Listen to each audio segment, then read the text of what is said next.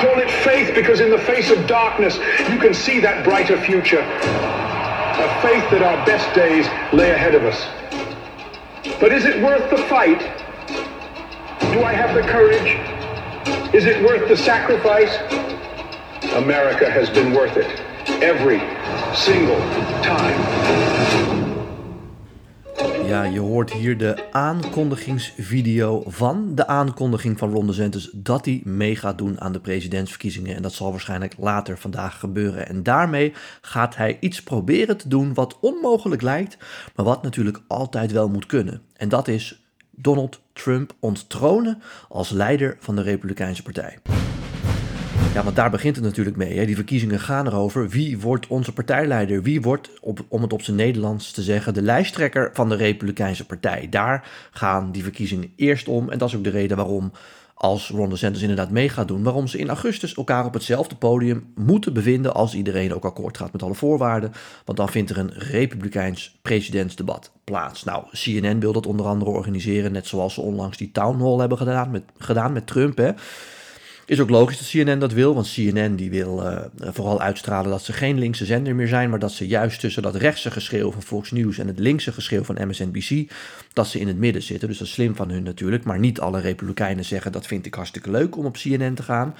Uh, dus de vraag is even of dat allemaal goed gaat. En Donald Trump zegt natuurlijk eigenlijk ook van ja, maar ik heb helemaal geen zin om te debatteren. Ik ben gewoon de partijleider. Ik ben niet te kloppen. Nou, we gaan zien of dat klopt, want Ron DeSantis gaat dat proberen te veranderen. Zal later vandaag is de verwachting bekend gaan maken dat hij officieel aan de verkiezingen meedoet. En het filmpje wat je net hoorde, dat is een filmpje dat een aankondiging daarvan is. Werd ook niet door hem gedeeld, maar werd gedeeld door zijn vrouw Casey op haar sociale media pagina's. En zij zegt eigenlijk, get ready for takeoff. Dat is wat ze met deze video zegt. En ja, we hebben het natuurlijk vaker gehad over Ron DeSantis. Meest gestelde vraag die je krijgt, ook deze week weer, dus die beantwoord ik meteen maar even. Eh, dat is, maakt hij een kans? Ja, en jullie kennen mijn theorie.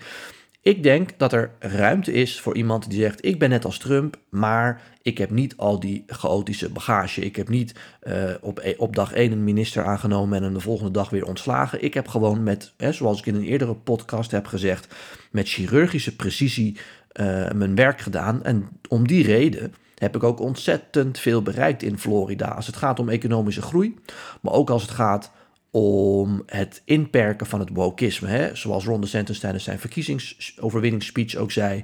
Florida is where woke comes to die. En het wokisme is nou gewoon eenmaal een groot thema binnen die republikeinse verkiezingen. Denk ook aan critical race theory in het verlengde daarvan.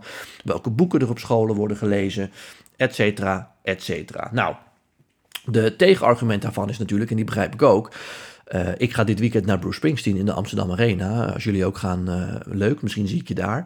Maar ik ga natuurlijk niet naar een coverband van Bruce Springsteen kijken, zolang de originele Bruce Springsteen nog optreedt. Hè. Ik, ik, vind het best leuk om naar Bouke te kijken, want ja, Elvis is dood, dus dan ga je naar een coverband kijken. Maar als Elvis nog leefde, ga ik niet naar iemand kijken die Elvis liedjes uh, zingt. Dus met andere woorden, waarom zou je zeggen, ik wil een soort Trump lookalike hebben als het originele exemplaar Trump nog steeds meedoet en Trump is ook nog steeds in topvorm.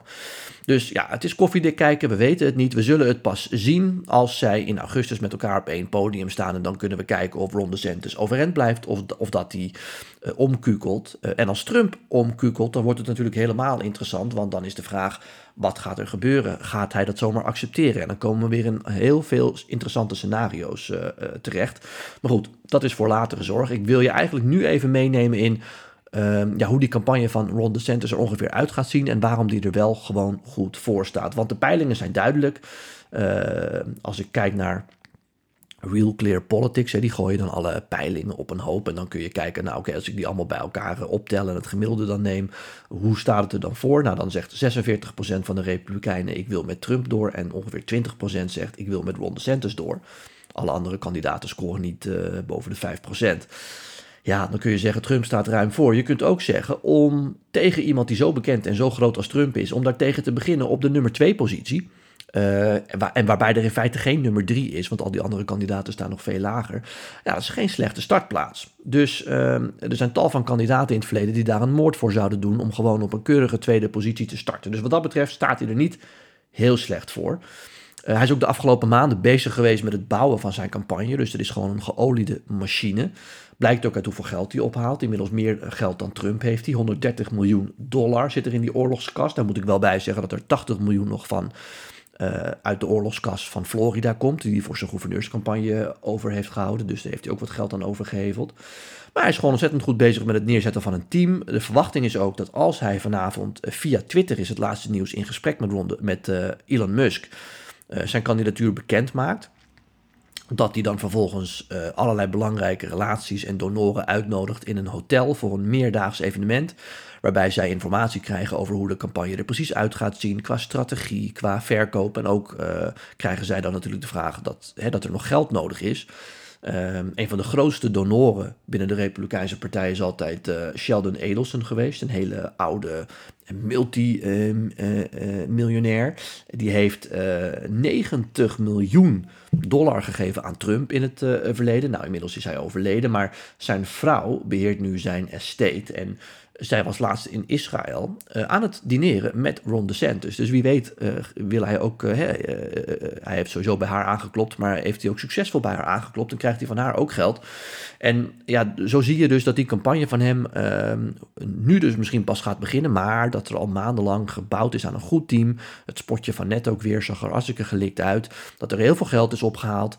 En dat dus nu meteen bij zo'n retreat in zo'n hotel al die uh, mensen die betrokken willen zijn een update krijgen over de strategie. Dus het idee van hè, de campagne van Ron DeSantis komt maar langzaam op gang, dat is ook zo. Maar dat komt ook omdat er gewoon achter de schermen ontzettend veel werk is verricht. Um, ja, dan terug naar die uh, vraag, maakt hij een kans? Dat denk ik dus wel. Ehm, we moeten nog maar kijken of Trump overeind blijft. Die kans is natuurlijk groot, maar ehm, ehm, hij heeft nog niet zo'n formidabele tegenstander gehad als Ron DeSantis. Hè, als het gaat om organisatie. Uh, binnen zijn eigen partij, de laatste kandidaat die echt goed georganiseerd was, waar Trump het tegen opnam, was Ted Cruz in 2016. Uh, die strijd heeft Trump glansrijk uh, gewonnen. Maar ook daar in het begin zag het er even naar uit dat uh, Cruz Trump toch best aan het wankelen kon brengen. Kijk, we kunnen er lang en kort over praten. Trump is gewoon de koning van die Republikeinse partij. En zoals ik al zei, ja, je kunt op zoek naar een coverband, maar het originele exemplaar doet nog mee. Dus waarom zou je hem inruilen? Maar de centrale boodschap van de DeSantis is, en daar valt natuurlijk wel wat voor te zeggen, die zegt er zijn eigenlijk drie mensen die kans, die kans maken om president te worden in 2024. Dat is Donald Trump, Joe Biden en ik. Maar van die drie maken er eigenlijk maar echt twee een kans. En dat zijn Joe Biden en ik, want Donald Trump is unelectable, zoals we het in Amerika zeggen. We hebben gezien in 2016 dat hij misschien net van Hillary Clinton gewonnen heeft. Maar ook toen, toen al kreeg hij minder stemmen dan haar. Uh, daarnaast zijn die tussentijdse verkiezingen slecht verlopen. Hij heeft in 2020 verloren, ook al zegt hij zelf dat het niet zo is. En nu in 2022 met die tussentijdse verkiezingen was het ook een ramp. Dus Trump wordt, kan gewoon niet verkozen worden. Dus er zijn drie mensen die kans maken op een plekje in het Witte Huis. En van die drie zijn Joe Biden en ik eigenlijk de enige die echt een kans maken. Dus wil je winnen, dan moet je mij hebben. Met andere woorden, Trump is een loser. En dat komt ook door in uh, nou ja, de bredere boodschap die. Uh, Ron DeSantis voor de Republikeinen heeft.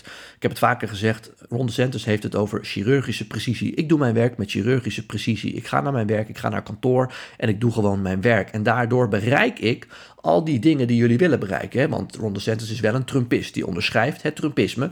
Maar, zegt hij, in tegenstelling tot alle drama die verbonden is, hè, toch onlosmakelijk verbonden is aan Trump en het Trump-presidentschap ben ik iemand die zonder drama zijn werk probeert te doen en dat levert gewoon veel meer resultaten op.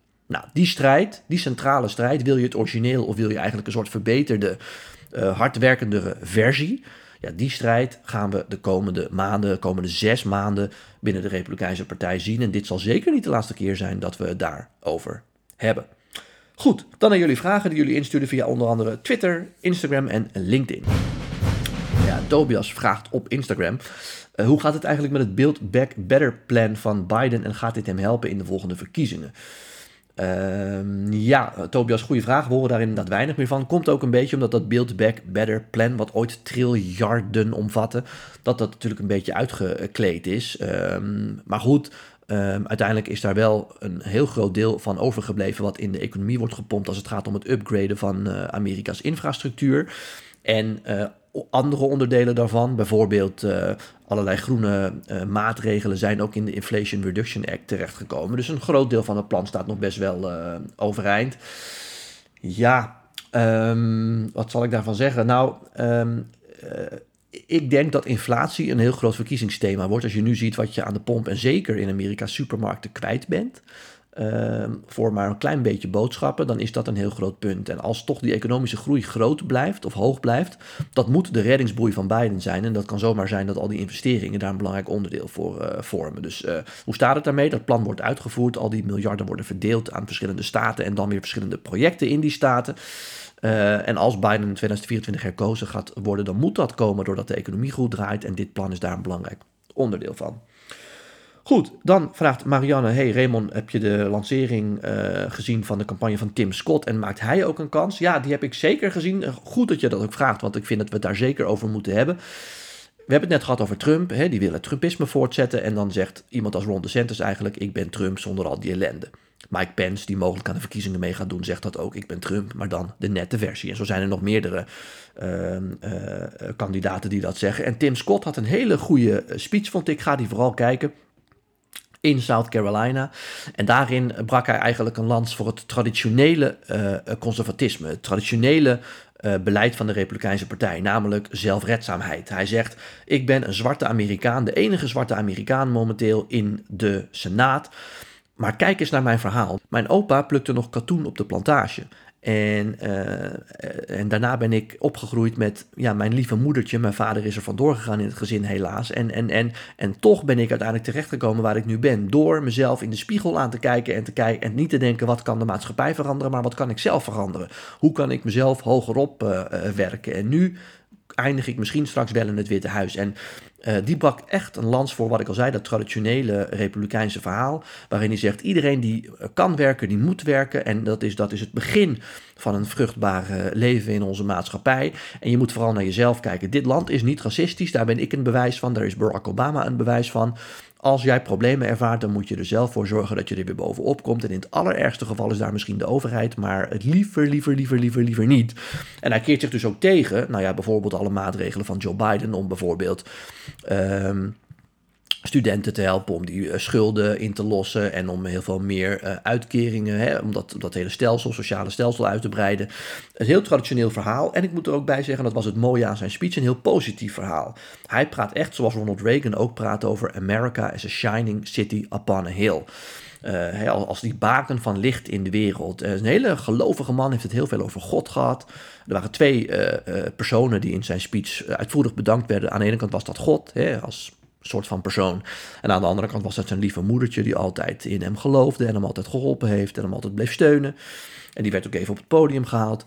Uh, en hij zegt eigenlijk: als je wat wilt in het leven, dan kun je het bereiken. Kijk naar mij, kijk naar mijn familiegeschiedenis. Dit is niet een racistisch land, dit is een prachtig land en daar moeten we voor vechten. En dat positieve verhaal, ja, daar kan hij best eens aandacht mee uh, genereren. Alleen ik denk dus dat de Republikeinse Partij tegenwoordig de Trump-partij is. En dat dat traditionele verhaal is een mooi verhaal. Daar kan hij misschien een keer minister mee worden. Maar ik zie hem niet 1, 2, 3 partijleider worden. Omdat dat toch Trump of een andere Trumpist wordt. Denk ik. Maar dat gaan we zien. Goed, andere vraag nog. Wanneer zit je weer bij VI van uh, Rob op Twitter? Nou, uh, vanavond. Dus uh, ga vooral kijken. Voor het eerst met Wiert Duk. Dus ik ben benieuwd hoe die dynamiek is. Maar ken Wiert goed. Leuk vent. Dus Komt ongetwijfeld goed. En daar ga ik je ook meer vertellen over Tim Scott en Ron DeSantis. Dus wil je hier nou meer over weten en wil je die filmpjes die ik net beschreven ook allemaal even zien. Stukjes uit de speech van Tim Scott. En misschien ook al iets meer materiaal van Ron DeSantis. Want misschien heeft hij voor de uitzending vanavond al iets meer bekendgemaakt.